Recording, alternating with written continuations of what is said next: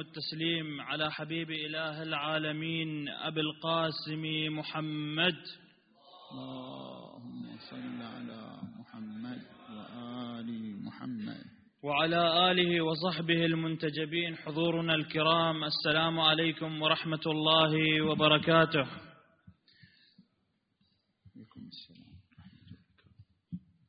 نتشرف وإياكم باستضافة سماحة العلامة السيد منير الخباز دامت إضافاته لنا في جلسة حوارية تدور حول محاضراته السابقة والتي امتازت بتنوعها واحتوائها على مواضيع ثقافية وفكرية تهم جميع فئات المجتمع. وعليه فقد قمنا بتقسيم محاور الجلسة إلى ستة محاور. المحور الأول سيكون أسئلة مرتبطة بالحوار السابق أما المحور الثاني فسيكون عن المحاضرة الثانية أبو طالب ومنهج التوازن بين المعتقد والمحيط. أما المحور الثالث فسيدور عن ماذا تتوقع أن يقدم لنا الدين في عصر التكنولوجيا. المحور الرابع سيدور حول الخطيب والمجتمع والخامس خديجة والفهم الحركي للإسلام والأخير التعددية الدينية واختلاف القراءات. تم تخصيص مدة ربع ساعة لكل محور موزعة بين الأسئلة الواردة سابقا وأسئلة الجمهور رجالا ونساء. للأمهات والأخوات الكرام بإمكانكم إرسال أسئلتكم ومداخلاتكم على الرقم الذي سيوضع في الشاشة. يرجى من الحضور جميعا أن تقتصر الأسئلة على المحاور المذكورة فقط. أما الأسئلة الفقهية التي وصلت إلينا فسيجيب عنها السيد في وقت لاحق إن شاء الله. صلوا على محمد وآل محمد.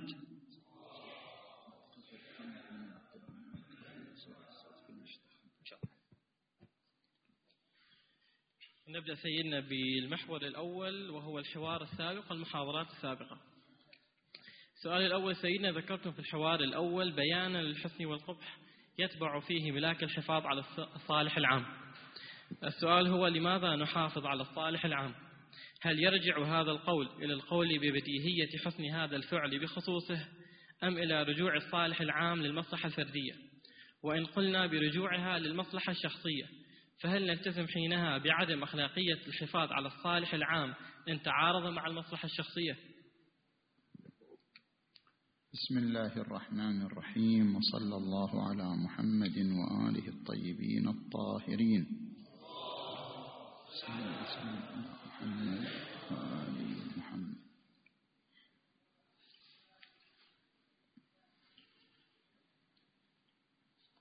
ذهب المحقق الأصفهاني أستاذ السيد الخوئي قدس سرهما إلى أن الحسن والقبح هو ما اتفق المجتمع العقلاء عليه. فحسن العدل وقبح الظلم هو عبارة عن اتفاق المجتمع العقلاء على هاتين القضيتين وهما حسن العدل وقبح الظلم مدح العادل وذم الظالم. ومنشأ هذا الاتفاق العقلائي رؤية المجتمع العقلائي أن في العدل استقرارا للحياة الاجتماعية وفي الظلم اختلالا للحياة الاجتماعية. فلأجل رؤية المجتمع العقلائي أن في العدل استقرارا وفي الظلم اختلالا اتفق المجتمع العقلائي على حسن العدل وقبح الظلم وهنا ورد السؤال. وهنا ورد السؤال لماذا يحكم العقل بلزوم حفظ المجتمع عن الاختلال؟ لماذا نقول بأنه لا بد من حفظ المجتمع عن الاختلال ولأجل ذلك اتفقنا على حسن العدل وقبح الظلم. هنا يذكر المحقق الإصفهاني طبعا هذا مسلك الفلاسفة جميعا. هنا يذكر المحقق الإصفهاني بأنه هناك قضاء للعقل وهناك قضاء للفطرة. العقل هنا لا يقرر شيئا إنما يقول بما أن استقرار الحياة الاجتماعية يتوقف على العدل فالعدل حسن.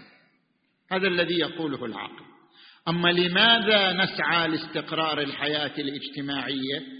هذا لا يقرره العقل تقرره الفطرة.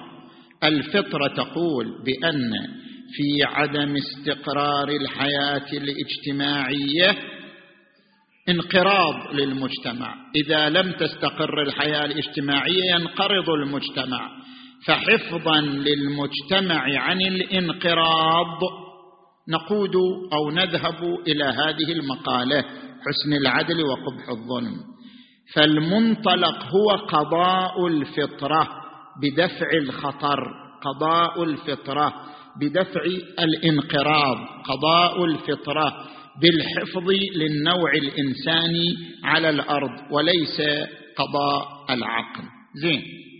لو تعارضت المصلحة العامة مع المصلحة الشخصية. أيهما يقدم ما دام العقل لا يقرر وإنما الفطرة تقرر. وإذا تعارضت المصلحة العامة مع المصلحة الشخصية جاء اتفاق العقلاء الذي قلنا به أن اتفاق العقلاء بما أنه يرى في المصلحة العامة استقرارا للنظام وحفظا للمجتمع عن الاختلال فسوف يتقدم المجتمع العقلائي ويفرض اتفاقه على حسن العدل وقبح الظلم في هذا الفرض وهو فرض التعارض بين المصلحة العامة والمصلحة الخاصة. السؤال المطروح أنه هل هل هذه طريقة لاستكشاف آه، أحكام الحسن والقبح بالنسبة لأفعال الله سبحانه وتعالى بكلام آخر. أنه لو فرضنا مثل ما ذكرتم أن المجتمع هو من سيشخص المجتمع العقلائي هو من سيشخص الحسن والقبح. هذا سيؤدي نوعا ما إلى حالة من التبرير لما هو يتصورونه أنه حسن وقبح. من نأخذ مثال أنه الآن في المجتمعات الغربية مثلا لدينا تقبل للزواج المثلي فجعلوه من نوع الحسن وهو مجتمع عقلائي لا أقل. فكيف نتعامل مع هذه القضية؟ المقصود بالمجتمع العقلائي هو اتفاق المجتمع العقلائي على المفردة من حسن العدل وقبح الظلم بجميع أطيافه بجميع حضاراته.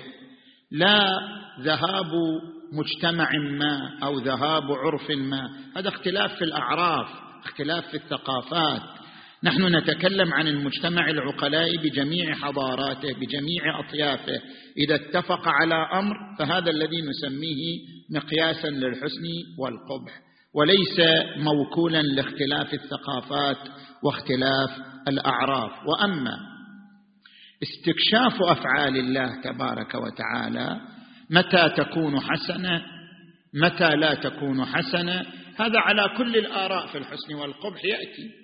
يعني حتى على هذا الرأي الذي يقول بأن الحسن والقبح هو عبارة عن اتفاق عقلائي مع ذلك الاتفاق العقلائي يرى ضرورة إنزال نظام يحتاجه البشرية وهذا فعل من أفعال الله. الاتفاق العقلائي يرى ضرورة نصب قدوات ورموز وهم الأنبياء والأئمة.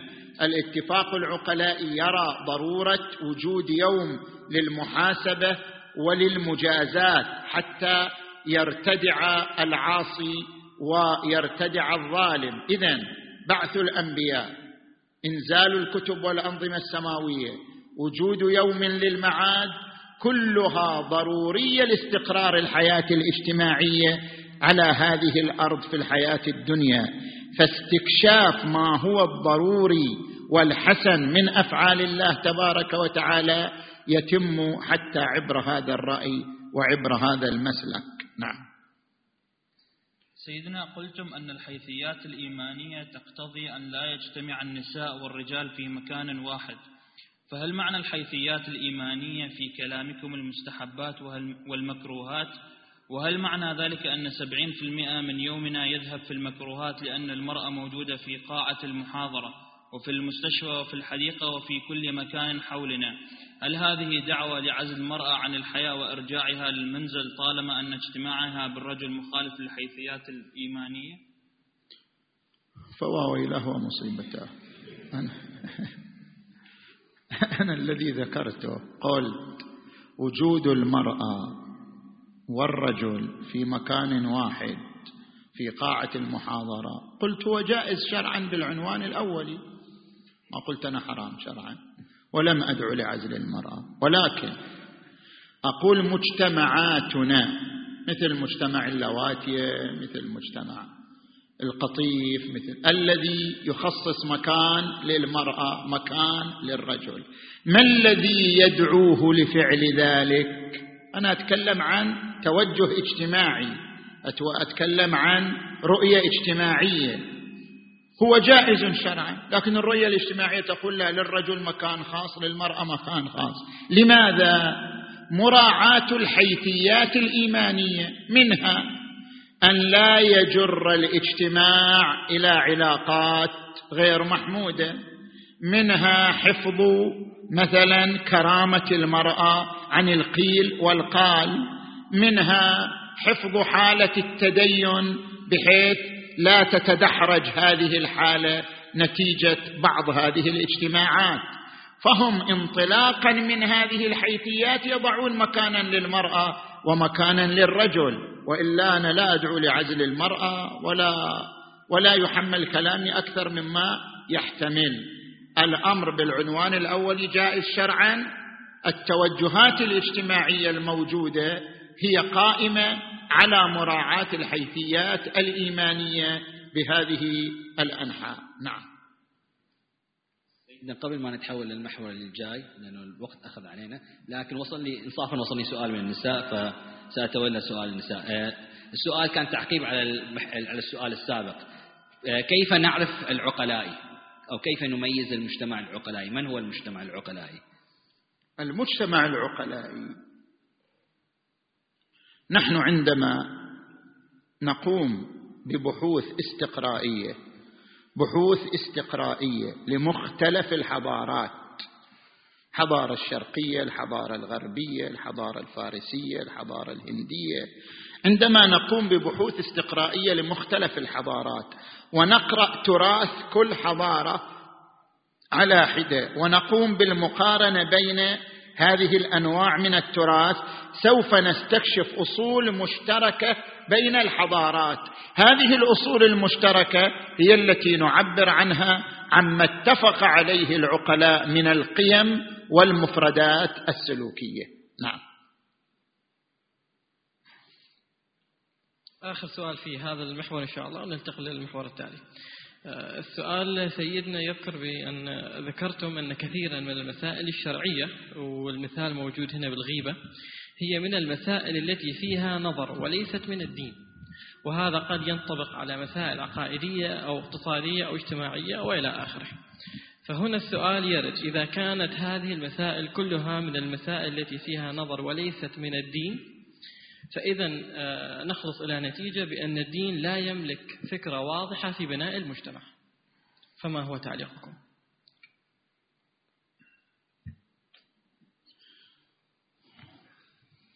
ذكرنا في الجلسة أو في الحوار السابق أن هناك فرقا بين الدين الواقعي والدين الظاهري الدين الواقعي هو عبارة عن القضايا المسلمة التي نقطع بنزولها من السماء نقطع بصدورها عن النبي محمد.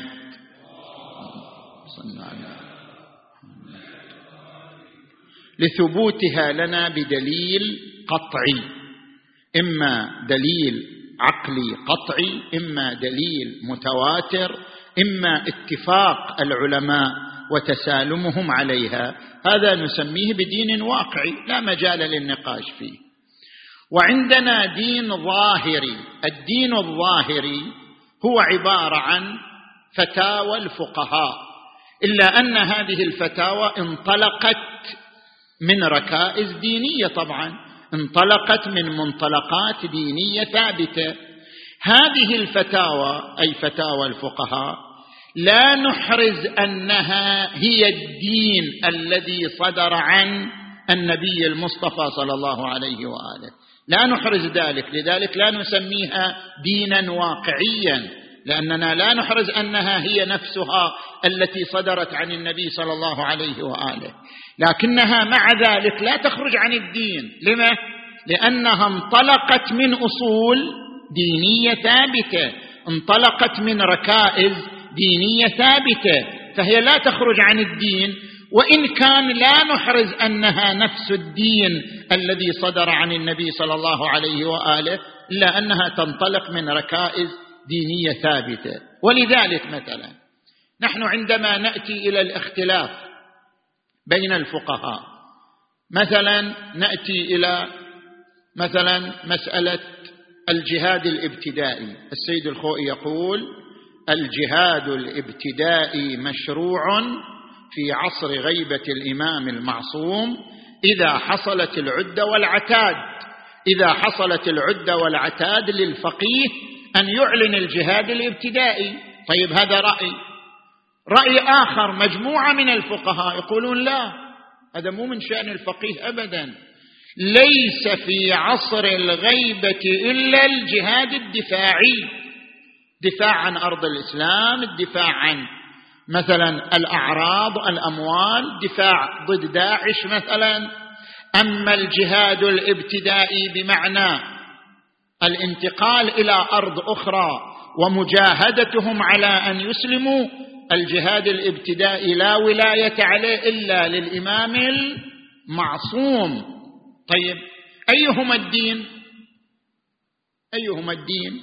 هذا هو الدين رأي السيد الخوئي أو ذاك هو الدين الذي هو رأي مجموعة من الفقهاء. أيهما الدين؟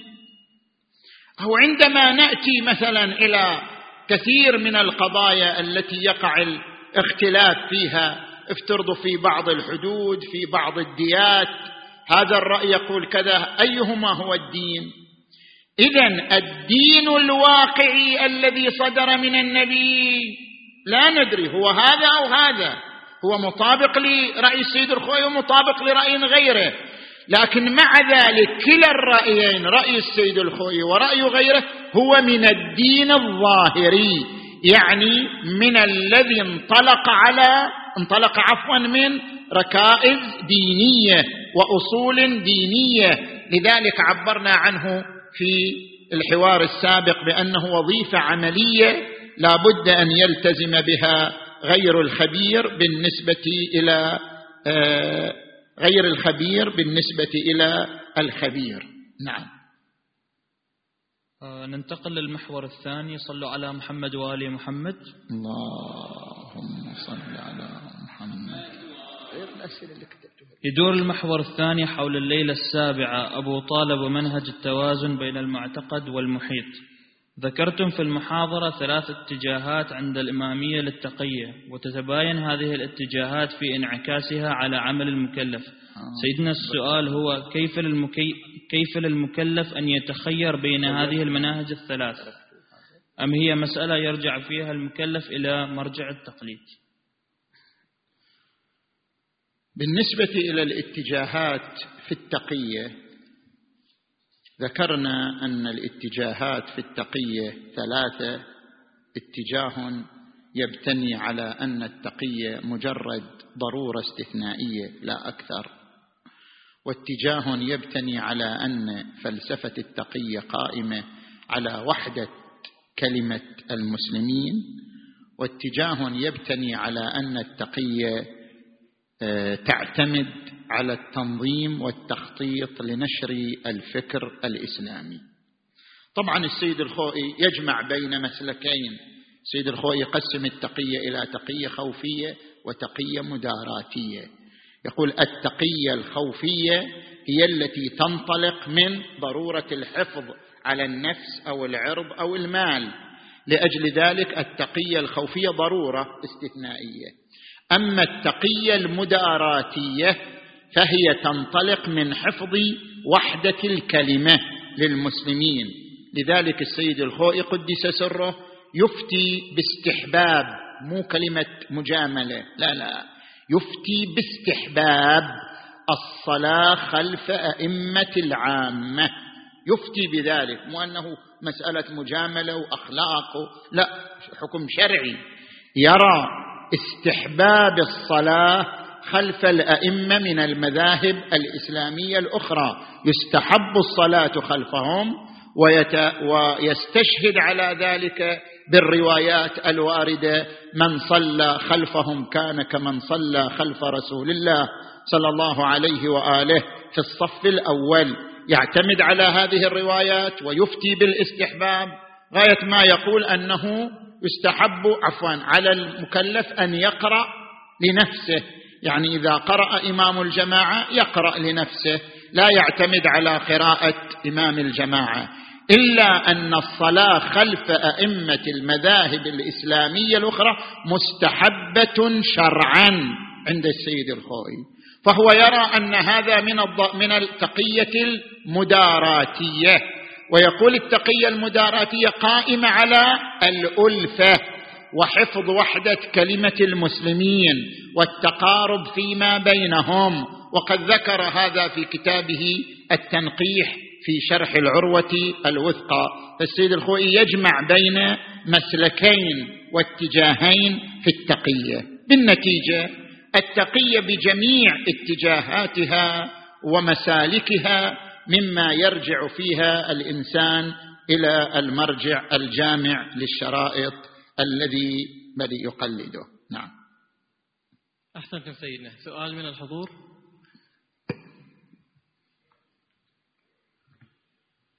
الحضور ما مو عاجبينهم يسألوا. شوف الحاضرات. ماكو الحاضرات عندهم شيء؟ السلام عليكم سيدنا. عليكم السلام والرحمة. سيدنا تفضلتم الآن برأي السيد الخوئي باستحباب الصلاة خلف يعني إخواننا من المذاهب الأخرى. فما هو رأي السيد السستاني في ذلك؟ وماذا تكون نية الصلاة خلف مثلا إمام من المذاهب الأخرى؟ وشكرا. السيد الخوئي يرى أن النية ائتمام ائتمام ولذلك يعتمد على الإمام في الأحكام. لو سهى يعتمد على حفظ الإمام. لو ركع قبل الإمام يرجع ويأتم بالإمام ويركع مرة ثانية مع الإمام وزيادة الركوع مغتفرة. يعني أحكام صلاة الجماعة يطبقها. إنما فقط لا يعتمد على شنو؟ قراءة الإمام. سيد الثاني مو ثابت عنده استحباب الائتمام بأئمة المذاهب الإسلامية الأخرى. يصلي معهم ولكن متابعة وليس ائتماما. ننتقل إلى السؤال التالي. ما زلنا في نفس المحور آه، محور الليلة السابعة ليلة سيدنا أبي طالب.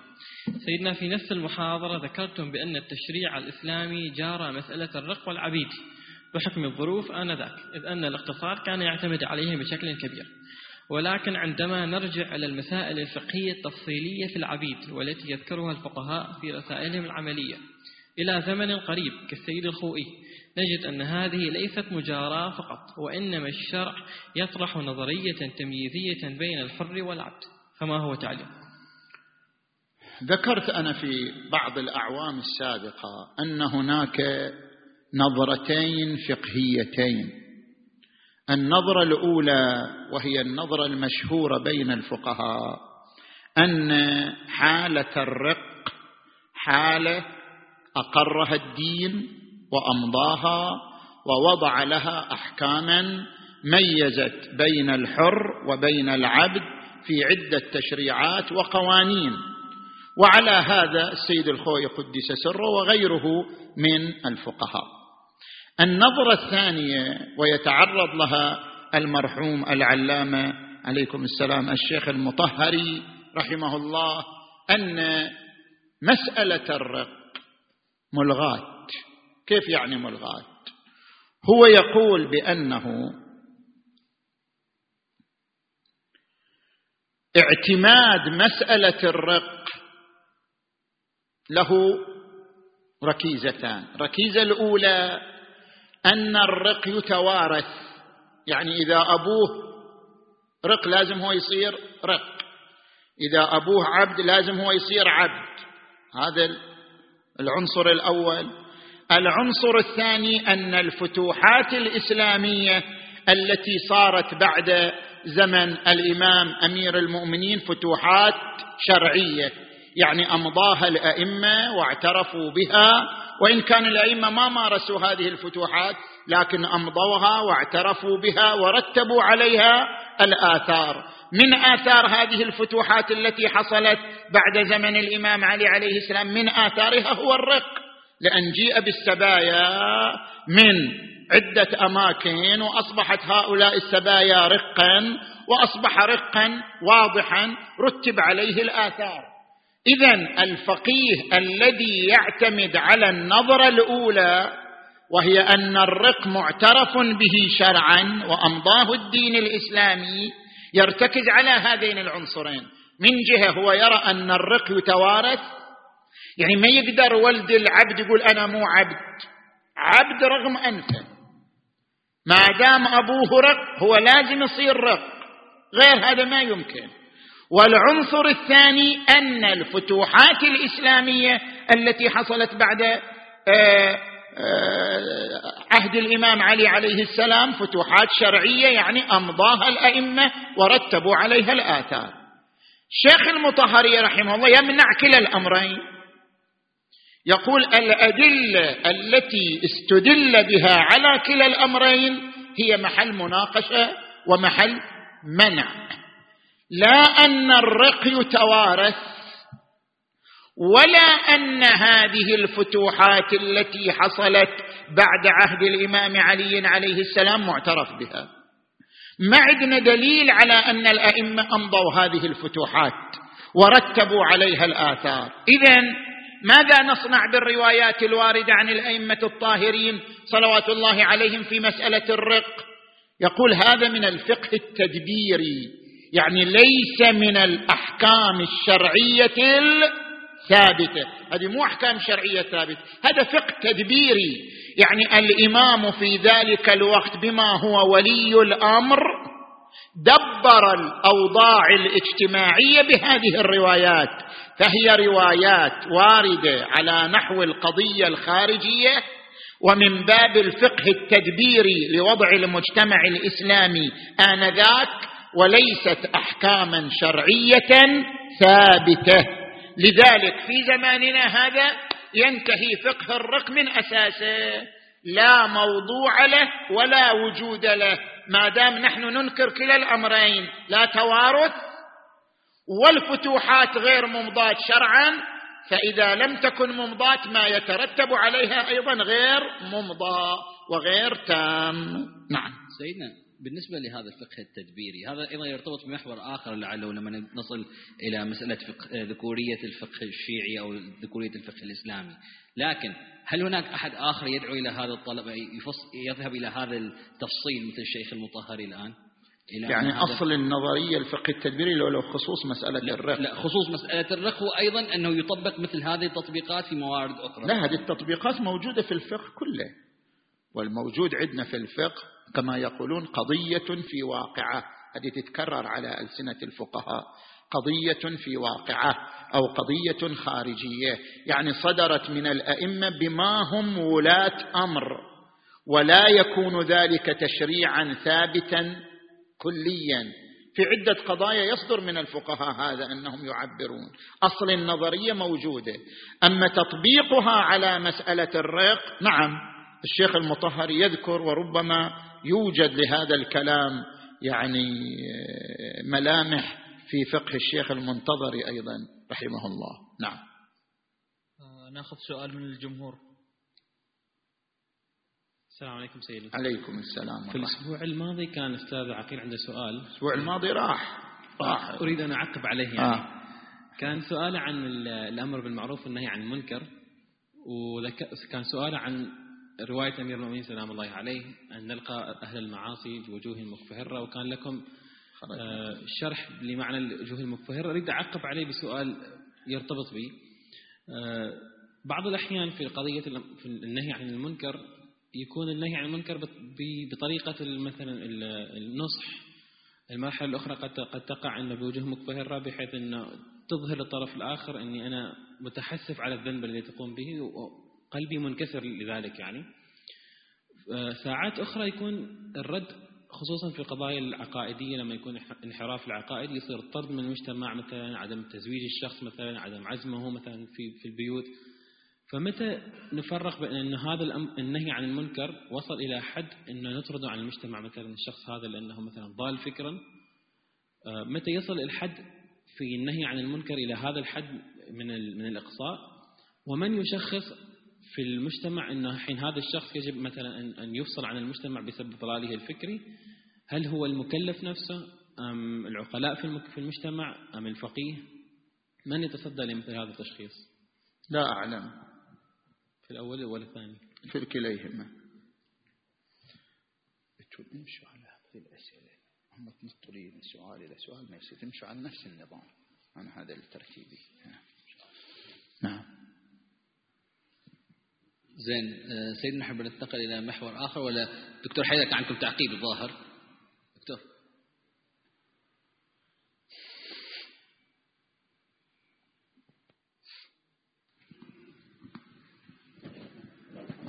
أحسنتم سيدنا في خصوص في الجوال هم عليه في خصوص ما ذكرته أن هناك يعني مبادئ أساسية في القرآن الكريم وأنه الفقه أحيانا يعني يت يعني ما يظهر منه أنه يخالف هذه بعض قضية كرامة الإنسان اللي ذكرتوها أو حرية المعتقد بينما نجد بعض الفتاوى قد يعني تتعارض مع هذه المبادئ.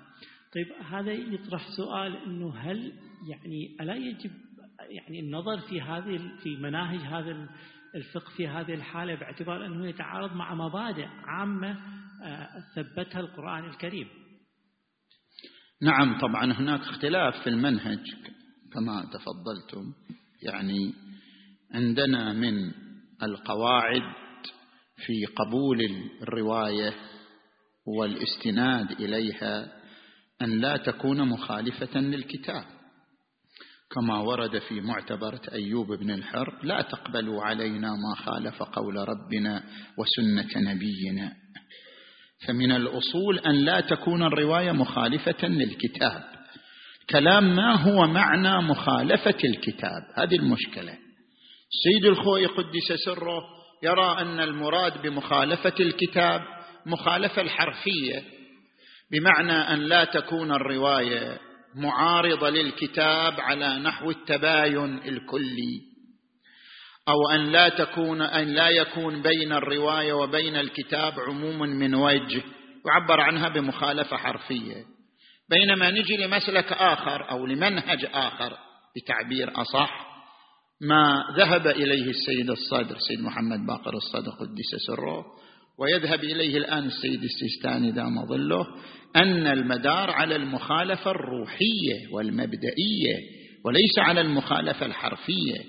بمعنى إذا كان مضمون الرواية غير منسجم مع المبادئ العامة المستفادة من الكتاب غير منسجم مع آه، خلينا نسميها المعالم العامة المستفادة من القرآن الكريم فالرواية تطرح.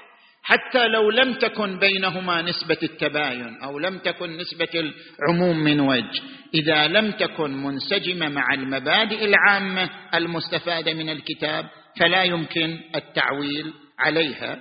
وكلا السيدين يمثلان بهذا المثال المعروف وهو أنه لدينا روايات موجودة وهو أنه لا تزوج الأكراد.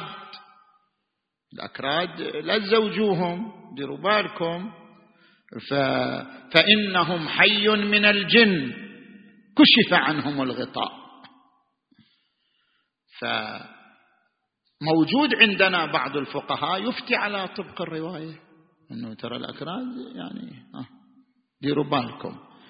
ولكن مثل السيدين يقولان لا هذه الروايات لا يمكن العمل بها. هذه الروايات مخالفة لروح الكتاب. يعني مخالفة للمبادئ العامة المستفادة من الكتاب. إن أكرمكم عند الله أتقاكم ولقد كرمنا بني آدم شعوبا وقبائل لتعارفوا. إذا نتيجة اختلاف المناهج نعم يحصل مثل هذا الاختلاف في مقام الفتوى. نعم. بعدين بعدين. ننتقل إلى المحور التالي محور الليلة الثامنة. كانت المحاضرة بعنوان ماذا نتوقع أن يقدم لنا الدين في عصر التكنولوجيا. نعم. السؤال سيدنا ذكرتم في المحاضرة بأن الدين يدفع الإنسان إلى العطاء والبذل في سبيل الخير. ولكننا نجد نماذج في المجتمع الغربي ممن لا دين لهم يبذلون أموالهم في أوجه الخير أو على الأقل يوصون بأن يصرف الميراث في أوجه الخير.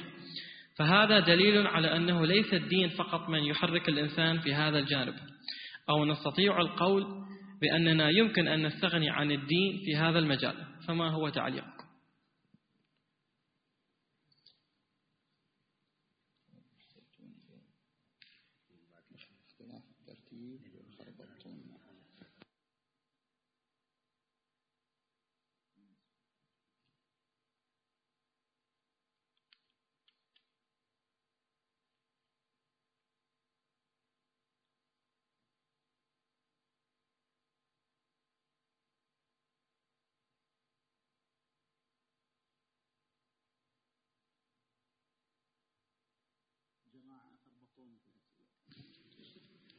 قدموا وأخروا.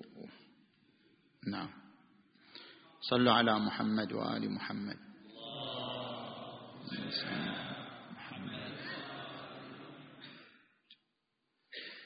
عندما نبحث هل أن الدين الإسلامي في الجوانب الاجتماعية وفي ميدان وفي الميدان الاجتماعي هل قدم لنا ما لم يقدمه لنا تيار آخر وفكر آخر أم لا؟ نقول نعم. قدم لنا ما لم يقدمه لنا ما لم تقدمه لنا مدرسة أخرى ما لم يقدمه لنا تيار آخر. كيف ذلك؟ نحن نذكر هنا أن الدين الإسلامي في مجال القضايا الخلقية والمفردات القيمية طرح ركائز لا توجد في دين آخر ولا مدرسة أخرى. الركيزة الأولى الأخوة. الدين الإسلامي يرى المجتمع مبتنيا على عنصر الأخوة.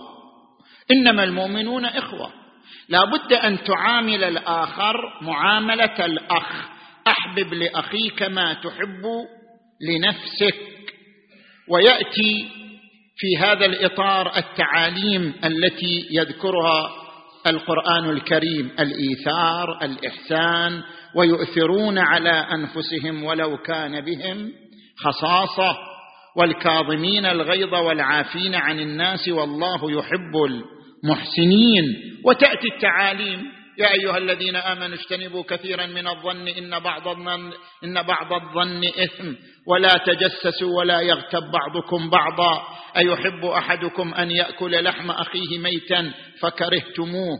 اذا بناء المجتمع على روح الأخوة وأن تتحول الحضارة إلى حضارة أخوية لا حضارة مادية فقط هذا عنصر لا نستفيده من أي مدرسة أخرى غير الدين الإسلامي. لا نستفيده من أي تيار آخر غير الدين الإسلامي. الركيزة الثانية ضمان الأخلاق ضمانا لازما. الأخلاق مو أمر مستحب. الأخلاق مو أمر ينبغي. لا مو ينبغي لازم. الدين الإسلامي يدعو إلى الأخلاق كأمر لازم. مو كأمر مستحب مو كأمر يمكن أو لا يكون لا. الخلق هو ميزان المؤمن. لا تغتروا بكثرة صلاتهم ولا بكثرة صيامهم فإن الرجل ربما لهج بالصلاة والصوم حتى لو تركهما استوحش ولكن اختبروهم عند صدق الحديث وأداء الأمانة. صدق الحديث وأداء الامانه مقوم للإيمان بدونه لا إيمان. فالأخلاق تشريع لازم. طبعا في المجتمعات الغربية هناك من يبذل للخير هناك من يوصي بأمواله. في سبيل الفقراء والمحتاجين هناك من ينشئ مبرات لكن هل تراها الثقافة الغربية امرا لازما؟ هل ترى أن هذه القيم الأخلاقية أمر لازم لا بد منه الدين الإسلامي يرى أن القيم والأخلاق أمر لازم لا بد منه وهو مقياس المؤمن. هذا الركيزة الثانية. الركيزة الثالثة عندما يدعو الإسلام إلى هذه القيم والأخلاق لا يدعو إليها من باب الضمير الإنساني. صحيح الضمير الانساني يدعو الإنسان إلى أن يكون باذلا للفقراء باذلا للأيتام باذلا للمحتاجين. الضمير الإنساني هكذا والقرآن الكريم نص على ذلك وإنه لحب الخير لشديد. أما الإسلام يقول لا ليس من باب الضمير الإنساني فقط بل أنت مدعو لهذه القيم من باب أن بها تحصل على الحياة الأخرى. من باب أن بها تحصل على الأنوار في الحياة الأخرى. اذا الإسلام يدعو إلى الأخلاق كحالة جمعية لا كحالة فردية. على مستوى الثقافة الغربية هي حالة فردية أفراد. على مستوى الإسلام هي حالة جمعية. حتى تنالوا الآخرة تحتاجون إلى هذه القيم. لن تنالوا البر حتى تنفقوا مما تحبون. وما تنفقوا من خير تجدوه عند الله. وما تنفقوا يوفى إليكم. حياتكم الأخروية مرتبطة بهذا الإنفاق. هذا المحفز لا يوجد في غير الدين الإسلامي. المحفزات الموجودة في الثقافة الغربية هي محفزات إنسانية وليست محفزات دينية مرتبطة بمصير الإنسان في الآخرة. أيضا من الركائز التي يعتمد عليها النظام الديني أن التكافل الاجتماعي أمر واجب من خلال الخمس من خلال الزكاة. التكافل الاجتماعي لا بد منه. هو مو متفضل أصلا. شوف هذا الفرق في النظرة. هذا الإنسان اللي في الغرب عندما يتبرع بنصف ثروته أو يتبرع بأمواله أو يوصي بها شنو يعتبرون الناس؟ يعتبروه متفضل معطاء كريم رجل إنساني في الدين.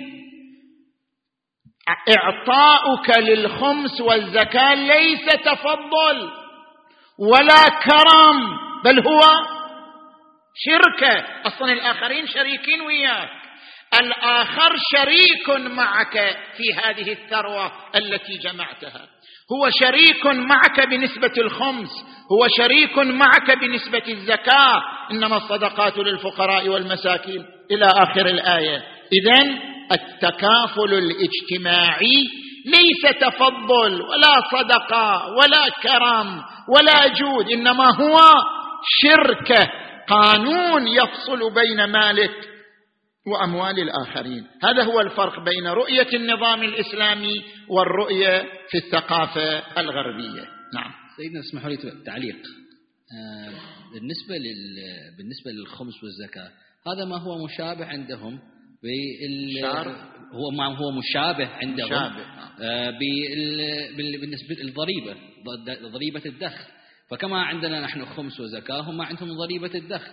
مثل ما نحن نقول أنه نحن الدين الإسلامي يدعو إلى أخلاق قيمية بأسلوب جمعي أيضا نحن نلاحظ في المجتمعات الغربية هم يدعون إلى القيم الأخلاقية والتفضل على الفقراء بأسلوب جمعي لعله أفضل من عندنا في بعض الأحيان ليس الكلام في الأسلوب الكلام في القانون هو قانون جمعي أو قانون فردي. ليس الكلام في طريقة الدعوة وفي أسلوب الدعوة. نحن نقول التاكس اللي ياخذوه في في الدول الغربية هو لتأمين الصحة والمرور والتعليم وكله يخدمك أنت بدرجة أولى ويخدم الآخرين أيضا.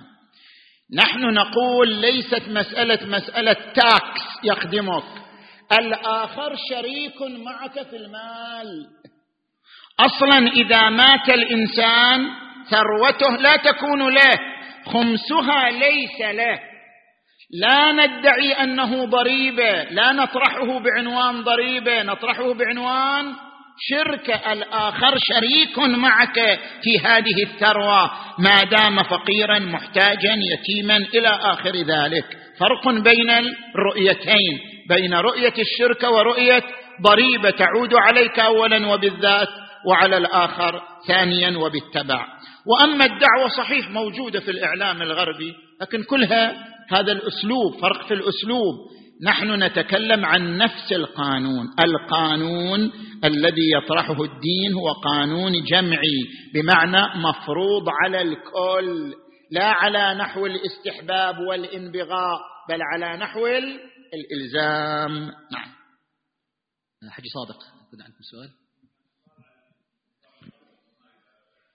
خلاص ما يقدر. أحد عنده سؤال في يعني ما تقول بالرجعة. صادق؟ آه، سيدنا في هنا آه، أول وين أنتم الآن؟ هذا.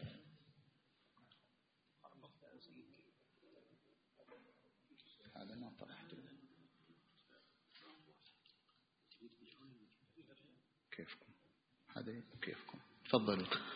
سيدنا في آه، طلب تعديل لشغلة معينة من قبل. تعديل؟ أيوة طلب تعديل من إدارة المسجد فيما طرح آه، في قضية آه، منع الأطفال من آه، الرواح والمجيء داخل المسجد واللعب بالترب وما شابه ذلك. طبعا الموضوع يوم طرح الظهر ويبدو الآن أنتم طرحتم مرة أخرى كمثال. الإخوة طبعا يقولون أنه هكذا حالة ربما تكون حالة مرة صارت فردية من أحد المصلين.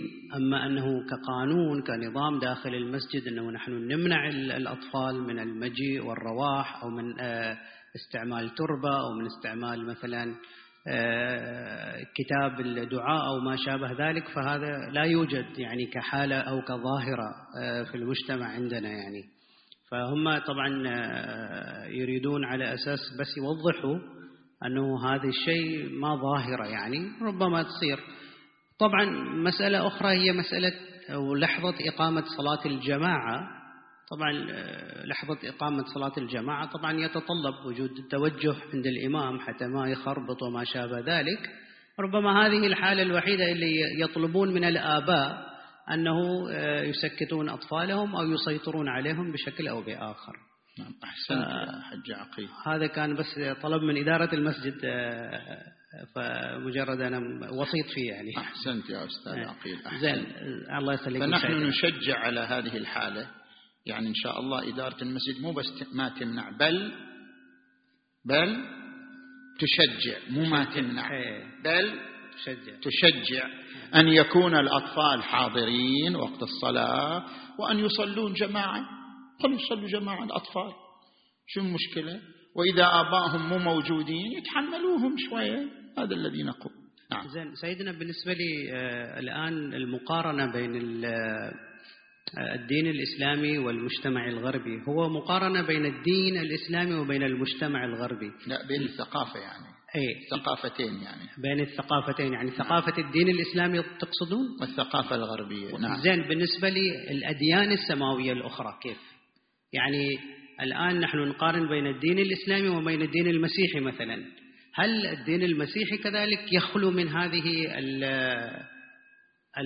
القيمة اللي تفضلتم أنها نعم, نعم، موجود نعم لا يوجد نعم لا يوجد في في الدين المسيحي هذه القوانين. ما يوجد لا. حتى في الدين المسيحي الغير لا المحرف. لا لا المحرف بعد إحنا نتكلم عن ما هو الموجود. ما هو الموجود. الآن إحنا نتكلم عندما نقوم بالمقارنة نقارن بين ما هو الموجود الدين الإسلامي الموجود والدين المسيحي الموجود.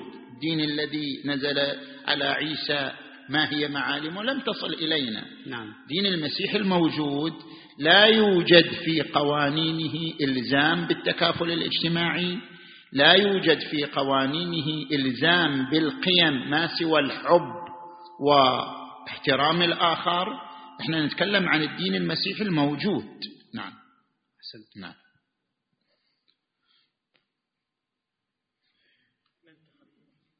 وين اللي كان ماسك المايك؟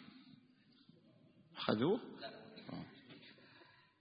آه، ننتقل إلى المحور الرابع الخطيب والمجتمع. سيدنا يقول بعض أهل العلم أن تكرار ذكر مصائب الحسين الشديدة يؤدي إلى قسوة القلب. مجلسكم فيه تكرار للخيول والشمر. أليس الاستماع المكرر لهذه المصائب يجمد الدمعة؟ بلي هذا هذا. آه مسألة الشمر يعني. الله يلعن الشمر. خداع لعنة شكونت. على أي حال أولا هذه وجهة نظر محترمة. يعني بعض الأخوة مثلا يستثقل من ذكر هذه المصائب أو تكرارها ولا يرتاح لذلك. وجهة نظر محترمة. الناس لهم وجهة نظر مختلفة. لكن إحنا كمجلس لازم نعمل بالتصويت الأغلبية. أنا نسوي تصويت. طبعا مو الليلة. نسوي تصويت في وقت آخر. أنه المصائب التي تعرض في مثل هذه الليالي. طبعا تعرفوا الليالي تختلف. أكو ليالي محرم ليالي صفر أكو ليالي شهر رمضان مثلا. المصائب التي تعرض في مثل ليالي شهر رمضان هل يعني تعرض المصائب التفصيلية أم لا؟ هل يتعرض لمثل هذه الصور من مصيبة وفاجعة كربلاء أم لا؟ هذا نسوي تصويت ونمشي عليه، إحنا حاضرين يعني نحترم أي وجهة نظر أخرى، نعم. انت خلي التلفون سيدنا هل حقا تسبب قسوة قلب؟ ذكر مصائب الحسين يعني لو الواحد صبح المسألة يسمع مصائب لا هو ما يتكلم عن المصيبة يتكلم عن تكرارها. يقول تكرارها إذا تكررها يسبب قسوة القلب. هكذا هو وجهة نظر بعد. أنت وجهة نظرك دكتور؟ ما أدري. نعم. ننتقل للسؤال الثاني في نفس المحور محور الخطيب والمجتمع. السؤال سيدنا هل هناك اطلاع من العلماء في الحوزات العلمية على المجالات العلمية الدينية وغير الدينية؟ ما سوى الفقه والأصول فيما يرتبط بحياة المكلف؟ وما هو تقييمكم لهذا الحراك في الإطار الحوزوي؟ عند الحديث عن الحوزتين الشريفتين المباركتين حوزة قم المقدسة وحوزة النجف الأشرف. طبعا أنا موجود في حوزة قم المقدسة حوزة قم المقدسة فيها معاهد الآن يدرس فيها مقررات من علم النفس وعلم الاجتماع وعلم الإدارة. كما أنها منفتحة أيضا على الفلسفة القديمة والحديثة وهناك دروس كثيرة في علم الكلام القديم والحديث آه، والأمر في تطور وفي تكامل. نأتي إلى حوزة النجف المباركه حوزة النجف التي هي الحوزة الأم الحوزة الأصيلة التي منذ زمان الشيخ الطوسي قدس سره إلى زمان مثلا السيد الخوئي. تذكر أنه الشيخ المرحوم الشيخ عبد المنعم الفرطوسي شاعر النجف المعروف. هذه أبياته معروفة وتبارك النجف الأغر محييا باليمن بين مؤسس ومجدد. نجف الأغر مر بمرحله بين مؤسس ومجدد. وتبارك النجف الأغر محييا باليمن بين مؤسس ومجدد. للسيد الخوئي أعظم معهدي ولشيخنا الطوسي أكرم مسجدي. فالنجف بين هاتين المرحلتين وبين هذين العهدين هي الحوزة الأم هي الحوزة التي تخرج منها كبار الفقهاء والعمالقة والنوابغ. أمثال السيد الشهيد سيد محمد باقر الصيدر أمثال سيد أبو القاسم الخوئي أمثال مرجعنا الأعلى السيد السيستاني. حتى الأعلام الكبار في الفلسفة محقق الأصفهاني هو من النجف. السيد العلامة صاحب الميزان السيد محمد حسين الطباطبائي الفيلسوف. فيلسوف هذا القرن نعتبره. هذا تخرج من النجف دراسته في النجف درس الفلسفة في النجف أصلا وتخرج من حوزة النجف. وهو الذي كتب هذه الكتب العظيمة الميزان في تفسير القرآن وأصول الفلسفة وغير ذلك من الكتب المهمة. النجف الأشرف واقعا هي في حالة نمو وتطور وتكامل. أنا زرت النجف الأشرف في هذه السنة ثلاث مرات وجدتها في كل مرة تقفز قفزات مهمة وضرورية لنصاعة هذه الحوزة وعظمتها على المستويات الثلاثة. المستوى الأول الذي أعجبني جدا في حوزة النجف الأشرف ألا وهو المؤسسات البحثية. الآن في النجف الأشرف أكثر حسب ما تعرفت أنا وزرت البعض أكثر من 27 مؤسسة بحثية. وهي النجف صغيرة كما تعرفون. أكثر من 27 مؤسسة بحثية تعنى بالمقارنات بين الأديان تعنى بالبحوث العلمية الأكاديمية والحوزوية. وهذا المشروع أو هذا المضمار يبشر يعني بآلاف الخيرات لأنه عندما تقوم الحوزة على مؤسسات بحثية فاعلة فهذا يعني أن الحوزة تواكب الثقافة المعاصرة بجميع جهاتها. الأمر الثاني الذي وجدته في النجف الأشراف الاهتمام بجانب التبليغ. كنت في النجف الأشرف أيام الأربعين وكنت في النجف الأشرف أيام شهادة الإمام موسى بن جعفر عليه السلام. وجدت أنه نفير من الحوزة نفير. يعني الحوزة أغلبها ينفر إلى التبليغ. أربعة آلاف طالب معمم يخرجون من حوزة النجف للإرشاد والتبليغ والتوعية على مستوى العقائد على مستوى الفقه على مستوى الأخلاق ينبثون في مناطق العراق المختلفة في أيام الأربعين وكذلك في أيام شهادة الإمام موسى بن جعفر. هذه الظاهرة ما موجودة في حوزة أخرى ما موجودة في منطقة أخرى. أن هذا العدد الضخم يخرج للتبليغ في هذه المواسم الضرورية والمهمة. والأمر الثالث الذي وجدته في حوزة النجف الأشرف هو هذا الاقتران بين المشوار الأكاديمي والمشوار الحوزوي. ربما ما أقول ربما في حوزات أخرى أكو انفصال وانعزال بين التوجه الأكاديمي والتوجه الحوزوي. في حوزة النجف حيث أن كلية الفقه هي كلية أكاديمية وفي نفس الوقت هي داخل إطار حوزة النجف والقائمين عليها أيضا هم حوزويون والأساتذة هم حوزويون. كلية الفقه وكليات أخرى تعنى بشكل متواصل في الربط بين المضمار الأكاديمي والمضمار الحوزوي. وهذا أيضا وهذه أيضا نقطة لامعة ومهمة في مسيرة حوزة النجف التكاملية في ظل طبعا في ظل الإرشادات والتوصيات التي تظهر بين فترة وأخرى من المرجعية خصوصا المرجعية العليا من السيد السيستاني دام ظله. هناك إذا زرتم النجف تذهبون إلى المدرسة العلوية التي أنشأها السيد السيستاني في النجف الأشراف. كل أسبوع المدرسة العلوية تضم طلبة أكاديميين يجوا من بغداد من الحلة من الديوانية من البصرة كل أسبوع كل أسبوع تضم هذه المدرسة العلوية لفيف من الطلبة الجامعيين والأكاديميين مئة مئة وخمسين شخص يحضرون بعض المحاضرات في النجف ويدخلون في إطار بحوث مشتركة مفيدة ومثمرة نسأل الله لهم التوفيق والتسديد والتأييد.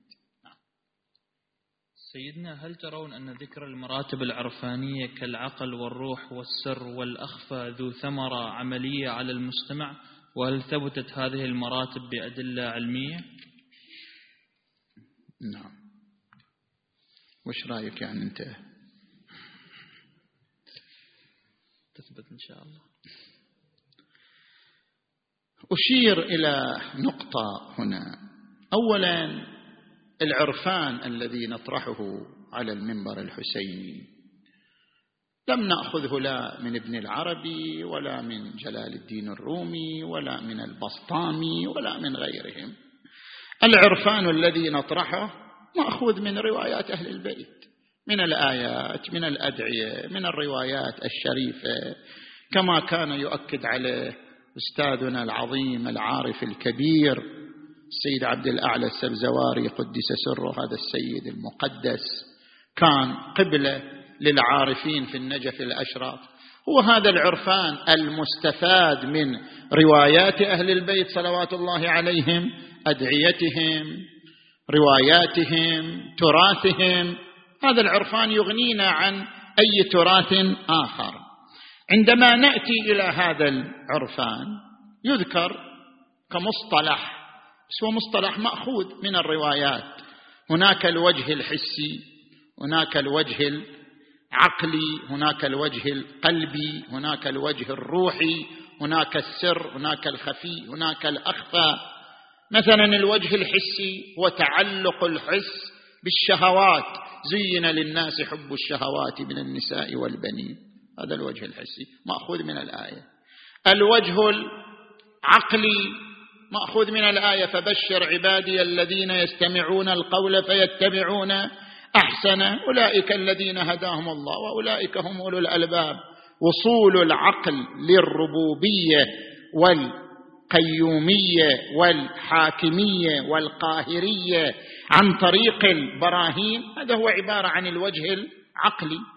الوجه القلبي القران الكريم يقول إلا من أتى الله بقلب سليم. ويقول إنها لا تعمى الابصار ولكن تعمى القلوب التي في الصدور. عندما يكون القلب مطمئنا لذكر الله هذا يعبر عنه العرفاء بالوجه القلبي. والذين آمنوا وتطمئن قلوبهم بذكر الله ألا بذكر الله؟ تطمئن القلوب. الوجه الروحي الوجه الروحي يقولون شهود الروح لعظمة الله تبارك وتعالى هو عبارة عن الوجه الروحي. هذا مأخوذ من الرواية. ما يزال العبد يتقرب إلي بالنافلة حتى أحبه. فإذا أحببته كنت سمعه الذي يسمع به بصره الذي يبصر به يده التي لسانه الذي ينطق به يده التي يبطش. هذا يسمى الوجه الروحي. يعني أن يعيش الإنسان بروحه مشاهدة الحق تبارك وتعالى في تمام تصرفاته. بعدين نجي إلى السر والخفي والأخفى. هذه درجات ثلاث لمعرفة الله. عبر عنها بعض العرفاء بعلم اليقين وعين اليقين وحق اليقين. تعبير آخر مصطلح آخر نفس المعنى. سر خفي أخفى. هو نفس المعنى ولكن بتعبيرات وبألفاظ مختلفة. أن معرفة الله على درجات. مثلا السر أن يكون الإنسان في سلوكه وجها لأفعال الله. الله كريم تكون أنت كريم. الله رحيم تكون أنت رحيم. الله حليم تكون أنت حليم. عندما تكون في سلوكك مجلى ووجها لأفعال الله هذا يسمى مرحلة السر. وهذه الدرجة الأولى من معرفة الله تبارك وتعالى. الدرجة الثانية الخفي. الخفي أن تكون مجلى لصفات الله مو مجلى لأفعاله مجلى لصفاته. مثل العزة هل أنت عزيز؟ هل أنت عزيز في تصرفاتك سلوكك؟ إن الله فوض إلى المؤمن كل شيء ولم يفوض إليه أن يذل نفسه. ويقول القرآن الكريم فمن كان يريد العزه فإن العزة لله جميعا. أن تكون وجها لعزة الله تبارك وتعالى. هذا هو عبارة عن مرحلة الخفي. مرحلة الأخفى عبارة عن الفناء في الله تبارك وتعالى الذي عبر عنه الدعاء الوارد عن الإمام الحسين عليه السلام.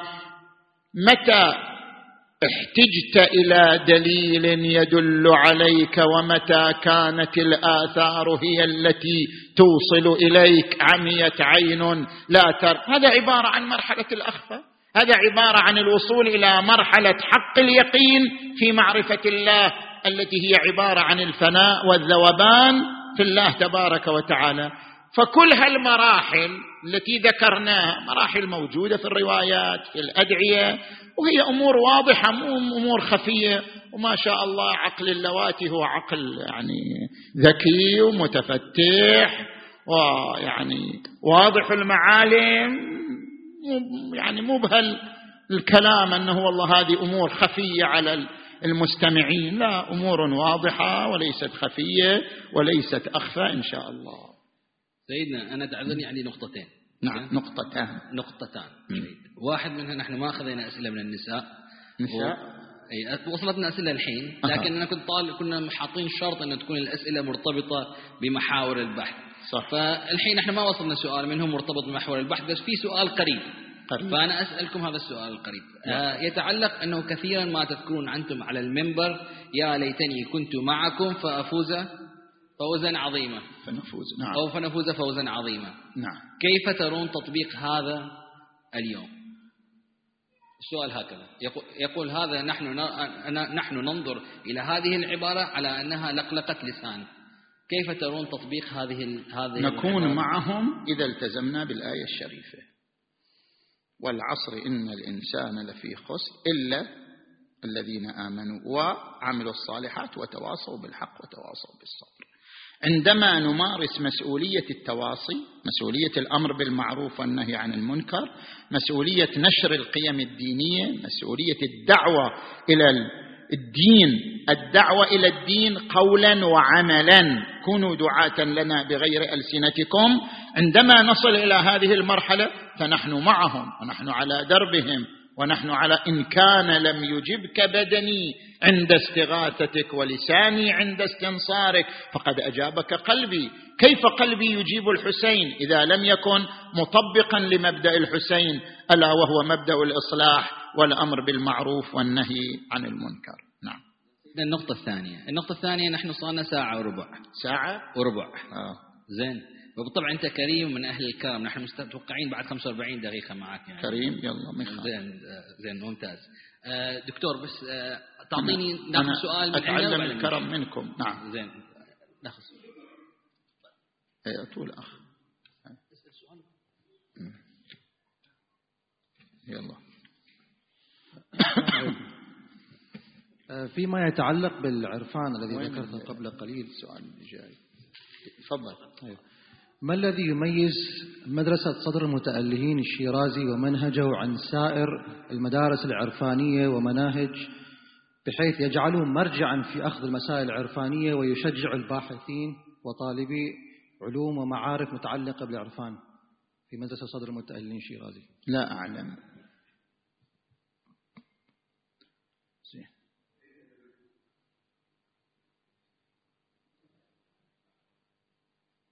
بالرجوع إلى المحور السابق نعم. في خصوص التكافل الاجتماعي بين الثقافتين.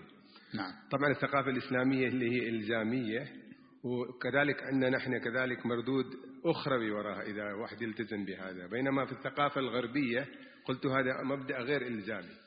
طبعا نحن نتكلم كذلك فقط عن المبادئ لكن إذا نظرنا إلى النتائج لما نجي إلى النتائج ونقارن بين الثقافتين نجد رغم أن نحن نرجو من الله ما لا يرجون النتائج عكسية. نجد الفقر والمرض والجهل مستشري في بلداننا أكثر من بلدانهم. حتى لو آه، فرضا قلنا أن آه، مصب الأخماس في الدولة اللي تصب فيها الأخماس تجد لا تدخلنا في السياسة لا تدخلنا في لا لا. السياسة. مثلا في العراق حينما تجد معظم الفقهاء اللي موجودين نجد في العراق الفقر والتسول موجود حتى في في المدن اللي يوجد فيها الفقهاء الذين يأخذون الأخماس. فأنا قصدي الآن هذه النتائج لا يجب علينا ان أن نفكر فيها. لماذا هذه النتائج مع وجود هذه المبادئ اللي فيها وراها رجاء أخروي؟ بينما هناك لا لا يوجد هذا نجد أن النتائج أحسن من نتائجنا. فما هو رأيكم؟ لا رأي لي. نحن نقول بأنه فقهاؤنا رضوان الله على الماضين وحفظ الباقين يقومون بمسؤوليتهم خير قيام في معالجة الفقر وتغطية حالات العوز. كما تعرفون مثلا في العراق مؤسسة العين الخيرية مؤسسة تضم 68 ألف يتيم يكفلونهم دراسيا ومعيشيا إلى آن يتخرج. هو مكفول من قبل هذه المؤسسة. وإذا تزوروا مرافق المؤسسة في بغداد ترونها مراكز يعني بال خلينا نسميها بالنظام العالمي يعني مو بنظام عراقي يعني مؤطرة ومقننة بنظم عالمية معروفة مؤسسة العين. وغير 68 ألف يتيم الفقراء العوائل الكثيرة التي تدار. طبعا هذه المؤسسة تحت إشراف السيد السيستاني مباشرة وهي تقوم بهذه الأعمال الضخمة الكبيرة. ولها فروع الآن المؤسسة في الولايات المتحدة في أوروبا في في عدة مناطق لها فروع. فالأخماس تصرف بحسب نظر المرجعية في مواردها المدروسة والمقررة. نعم نحن نطمح نحن نطمح أن يكون هناك جهاز إداري مالي للأخماس. يكون هذا الجهاز ينظم جميع الأخماس يديرها من قبل متخصصين في مجال إدارة المال ومتخصصين في مجال استقراء المصارف بالشكل الدقيق حتى يكون هناك تغطية عامة لحالات الفقر والعوز. نعم. ننتقل إلى السؤال التالي. سيدنا السؤال يقول لم تعد لغة الوعظ السلبية مؤثرة في هذا الزمن مثل قولنا قلوبنا مظلمة ونفوسنا ملوثة بالمعاصي وإلى آخره. نعم. بل أصبحت لغة مملة وأحيانا تكون منفرة. أليس الأولى أن نستخدم لغة جديدة تناسب هذا الجيل بحيث تكون مؤثرة وجاذبة؟ ورطنا الحين انت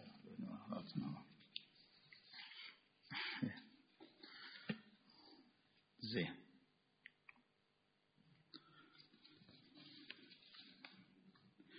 أنا أقول أولا نحن نحظى بنعمة لا توجد عند غيرنا.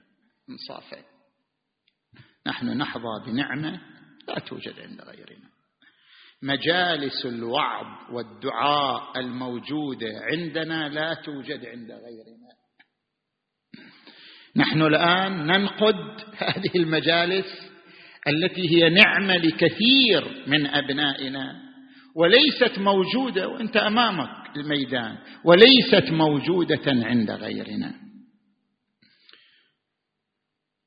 لما زرت الكنيسة الكاثوليكية في واشنطن التقيت مع كاردينال مال كنيسة كاردينال طبعا هو مركزه أعلى من الأسقف وأعلى من أقل من البابا لكن أعلى من الأسقف. فهو تحدث معي بكل صراحة. قال هذه الكنيسة موجودة. انت زرتوها أنا زرناها يوم الأحد يعني في يومها. قال هذه الكنيسة موجودة زرتوها. كم فيها؟ كم كم؟ كم شاب فيها؟ هذه الكنيسة الضخمة يعني بلا مبالغة يعني هي آه، أكبر من حرم الحسين كله يعني. كنيسة ضخمة جدا. كم فيها من الشباب؟ ما يوصلوا 200 شاب. زين؟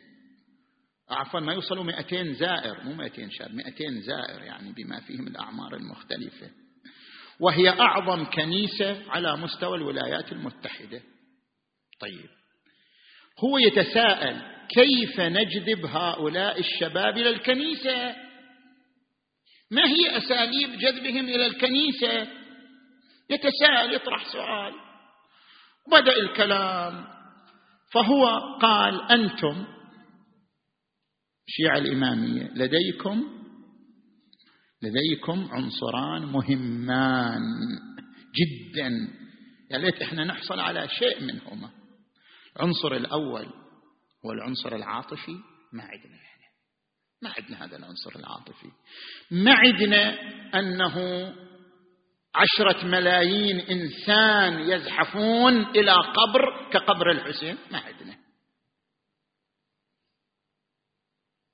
ما عندنا قبر إنسان يحرك ملايين عشر ملايين خمسة عشر مليون أي عدد؟ يحركهم قبر إنسان يزحفون إليه من كل المدن. وعلى الأقدام هالمرة لما رحنا زيارة الأربعين شفنا شيء يعني شيء يعني يستغرب منه الإنسان. شفنا سيارتين باص أفاغنة من أفغانستان. من أفغانستان يمشون على أرجلهم ومعهم أطفال ومعهم كبار. من أفغانستان إلى كربلاء. سألناهم قالوا أخذنا ستة وثلاثين يوم. طيب. هذا المحرك العاطفي ما موجود ما موجود في المدارس الأخرى ما موجود في الأديان الأخرى. ليش أنت تجي تريد تلغيه؟ ليش؟ قول والله ما ينفع عن الجيل الجديد كيف ما ينفع عن الجيل الجديد؟ يحرك هالملايين كلها بس وقف على الجيل الجديد ما قدر عليهم. هذا المحرك العاطفي يحرك 15 مليون ما يقدر يأثر على الجيل الجديد. هذه عنصر عنصر الآخر. قال العنصر الروحي. قال أنا أشاهد على التلفاز حرم الإمام الرضا. يقرؤون هذا الدعاء دعاء كمين مئة ألف مئتين ألف جالسين كلهم بصوت واحد يبكون وينتحبون. إحنا ما نقدر كمسيحيين ما نقدر نهيئ هذا الجو. ما عندنا. ما عندنا هذا التراث وهذه المحركات التي تجمع مئتين ألف في مكان واحد يقرؤون دعاء ما عندنا. طيب. هذه نعمة كبيرة يجب أن نركز عليها يجب أن نلاحظها. لا يمكن إهمال هذه النعمة سواء كانت من ناحية المحرك العاطفي أو من ناحية المحرك الروحي. هذا اولا. ثانيا اللغة الوعظية اللي إحنا نستخدمها هي موجودة في الأدعية. يعني أنا عندما قلت قلوبنا مظلمه يعني مو الإمام علي يقول قلبي محجوب ونفسي معيوب وعقلي مغلوب وهواي غالب. وطاعتي قليل ومعصيتي كثير. هل قلنا شيء غير موجود في الأدعية؟ يعني عندما نقول على المنبر قلوبنا مظلمة قلوبنا ملوثة يعني هل خرجنا عن إطار الأدعية الشريفة؟ لو لا نلغي الأدعية بعد لأن ما تناسب الجيل الجديد. ما, ما أفهم هذا الكلام. زين هذه اللغة موجودة في نفس الأدعية. نفس الأدعية إلهي أشكو إليك نفسا بالسوء اماره وإلى الخطيئة مبادره وبمعاصيك مولعه تسلك بي مسالك المهالك وتجعلني وهذه هذه لغة الأدعية بعد. نفس لغة الأدعية نثرناها. ليس شيئا آخر. يعني لا يوجد شيء آخر ذكرناه خارج عن إطار الأدعية وخارج عن إطار الروايات حتى يكون أسلوب منفر وممل. جاء ممل هذا شيء ثاني. زين. الأمر الثالث إحنا كلا النحوين نمارس على المنبر. يعني أنا شخصيا أمارس كلا النحوين. أطرح المواعظ بأسلوب تحليلي في بعض الليالي. عندما أطرح نظريات في علم النفس ونظريات في علم الاجتماع وهذا وعظ ولكن بأسلوب تربوي تحليلي. وفي نفس الوقت أمارسه بأسلوب آخر وهو الأسلوب الروحي الوعظي الموجود في الأدعية والموجود في النصوص الشريفة. فنحن لم نقتصر على أسلوب واحد كي يقال بأن هذا منفر وممل. ويعرف الدكتور وصلتنا رسالة جدا غريبة يعني أنا أستغرب يعني من شخص يقول هذه الرسالة. وجدنا رسالة تقول أنه أنت الجماعة اللي حاضرين في المسجد كلهم مؤمنين ما عندهم ذنوب. عجيب. يقول ما عندهم ذنوب شلون تقول هذا الكلام عن المنبر؟ إحنا عندنا ذنوب ما عندنا ذنوب. كل الجماعة اللي قاعدين في المسجد جماعة مؤمنين ما عندهم ذنوب. أستغفر الله العلي العظيم. يعني وصلنا إلى هذا الحد من الجميل بالإنسان أن يعرف حجمه. أن يعرف حجمه أن يعرف موقعه. شنو ما عندنا ذنوب؟ شنو ما عندنا معاصي؟ حتى لو كنا ملتزمين بالواجبات تاركين للمحرمات نحن بالنسبة إلى الله دائما مقصرون. ينبغي للإنسان أن يشعر نفسه بالتقصير تجاه الله تبارك وتعالى. شنو والله اللي كلهم في المسجد مؤمنين وزين؟ شنو يقولوا لهم يعني؟ والله شنو يقولوا لهم؟ إذا هم ملتزمين شنو يقولوا لهم يعني؟ شنو الموعظة اللي تفيد إياهم أنا ما أفهم يعني هذا يعني. على كل حال هي وجهة نظر. بس أنا أقطع بأنها وجهة نظر جدا فردية وخاصة ولا تعبر عن وجهة النظر العامة. سيدنا كثيرا ما يعترض علماء الدين على تدخل غيرهم في تخصصهم. وين وصلنا الحين؟ والحال أننا سماحتكم تخوضون في نظريات علماء النفس وغيرهم فتارة تصححون وأخرى لا تصححون. فما رأي سماحتكم؟ بلي العلم قسمان طبيعي وإنساني. العلوم الطبيعية معروفة فيزياء وأحياء علم الفلك العلوم الإنسانية علم النفس علم الاجتماع. بالنسبة إلى العلوم الطبيعية نحن نستعرضها لكن لا نعترض عليها ولا نناقشها. نظريات العلوم الطبيعية على مستوى الفيزياء على مستوى الفلك نستعرضها على المنبر ك يعني نستثمرها في مجال شنو؟ تقريب آيات القرآن الكريم. فنحن نستخدم النظريات الفيزيائية أو الفلكية من أجل تقريب فكر القرآن الكريم ولا نقوم بالاعتراض عليها اطلاقا حتى يقال دخلنا في تخصص غير تخصصنا. هذا واحد. بالنسبة إلى العلوم الإنسانية علم النفس علم الاجتماع. العلوم الإنسانية نظرياتها على نحوين. نحو ثبت أصبح من أصول هذه العلوم ونحو ما زال نظريات خاضعة للاستقراء وللتجربة. لم تثبت بعد. بالنسبة إلى القسم الأول أيضا إحنا ما نناقش. ابدا ولا مرة أنا ناقشت أصل من أصول علم النفس أو أصل من أصول علم الاجتماع. ابدا نحن نستعرضه لنستفيد منه لنستثمره في تقريب فكرة دينية تربوية معينة. نجي إلى القسم الثاني من النظريات في علم النفس أو علم الاجتماع التي تكون نظريات يعني ما زالت في إطار نظريات. هذه نقارن بينها وبين ما نستفيد من النصوص الشرعية. فنقول بأن هذه النظريات لا تتوافق مع النصوص الشرعية. هذا ليس دخولا في تخصص علم النفس إنما تعبير عن وجهة نظرنا كمتدينين أن هذه النظريات لا تتوافق مع ظاهر النصوص الشرعية وليس هذا دخولا في تخصص علم النفس. هذه نقطة. النقطة الثانية ذكرت أنا في الليلة السابقة في المحاضرة متى يقال أنت اقتحمت تخصص آخر ليس لك؟ التخصص هو عبارة عن أدوات علم معين. لكل علم أدواته. لكل علم أدواته. عندما تناقش أدوات علم معين بأدوات علم آخر فأنت اقتحمت في تخصص ليس لك. أنا أجي أناقش نظرية في علم النفس بأدوات فقهية. أقول هذه النظرية مو أقول أنها لا تتناسب مع النصوص لا. أناقشها كنظرية. لا أناقشها كموافقة للنص أو عدم موافقة. أناقش نظرية في علم النفس أو نظرية في علم الإدارة بأدوات فقهية. طبعا هذا غلط هذا اقتحام في تخصص بغير أدواته.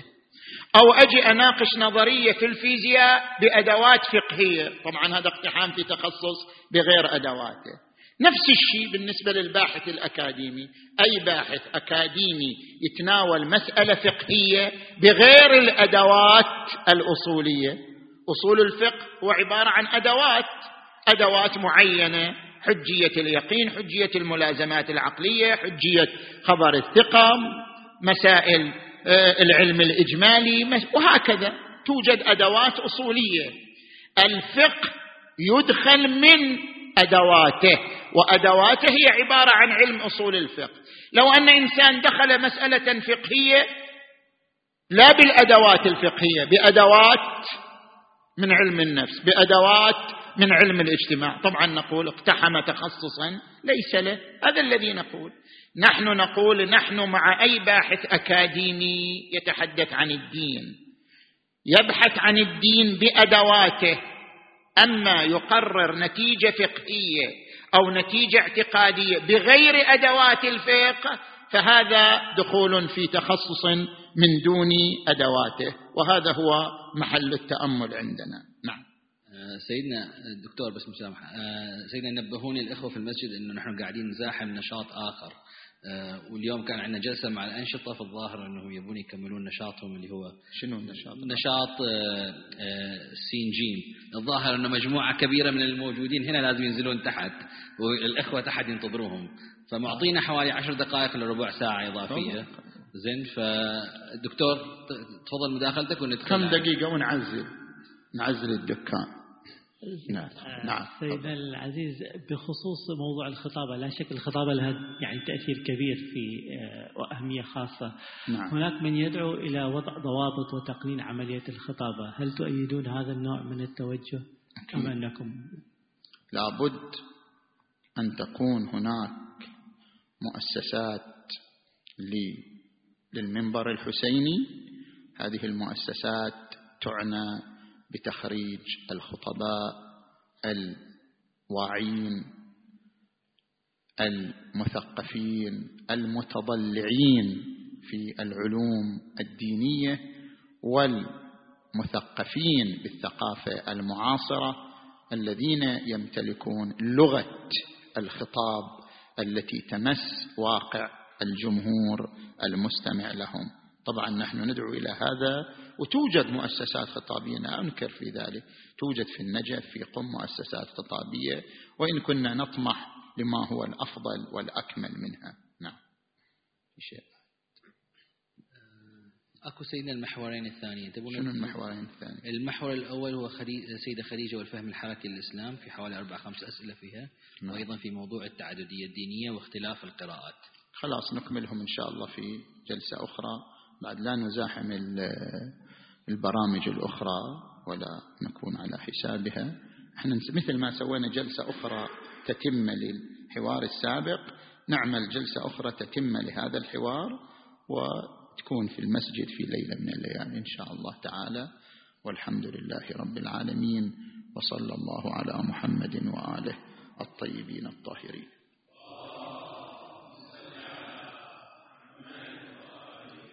سيدنا في الختام نشكركم على سماحتكم وتقبلكم. وأدري يعني دوخناكم مع تغيير الأماكن الأسئلة. الله بخدمتكم زين لكن تقبل يعني عادي أهل الكرم يعني. عادي عادي عادي. شكرا جزيلا للجميع. وشاركونا في السين جيم بتحت اللي اللي تفضلوا الإخوة قالوا بيشاركوا معاهم في السين جيم إن شاء الله تعالى.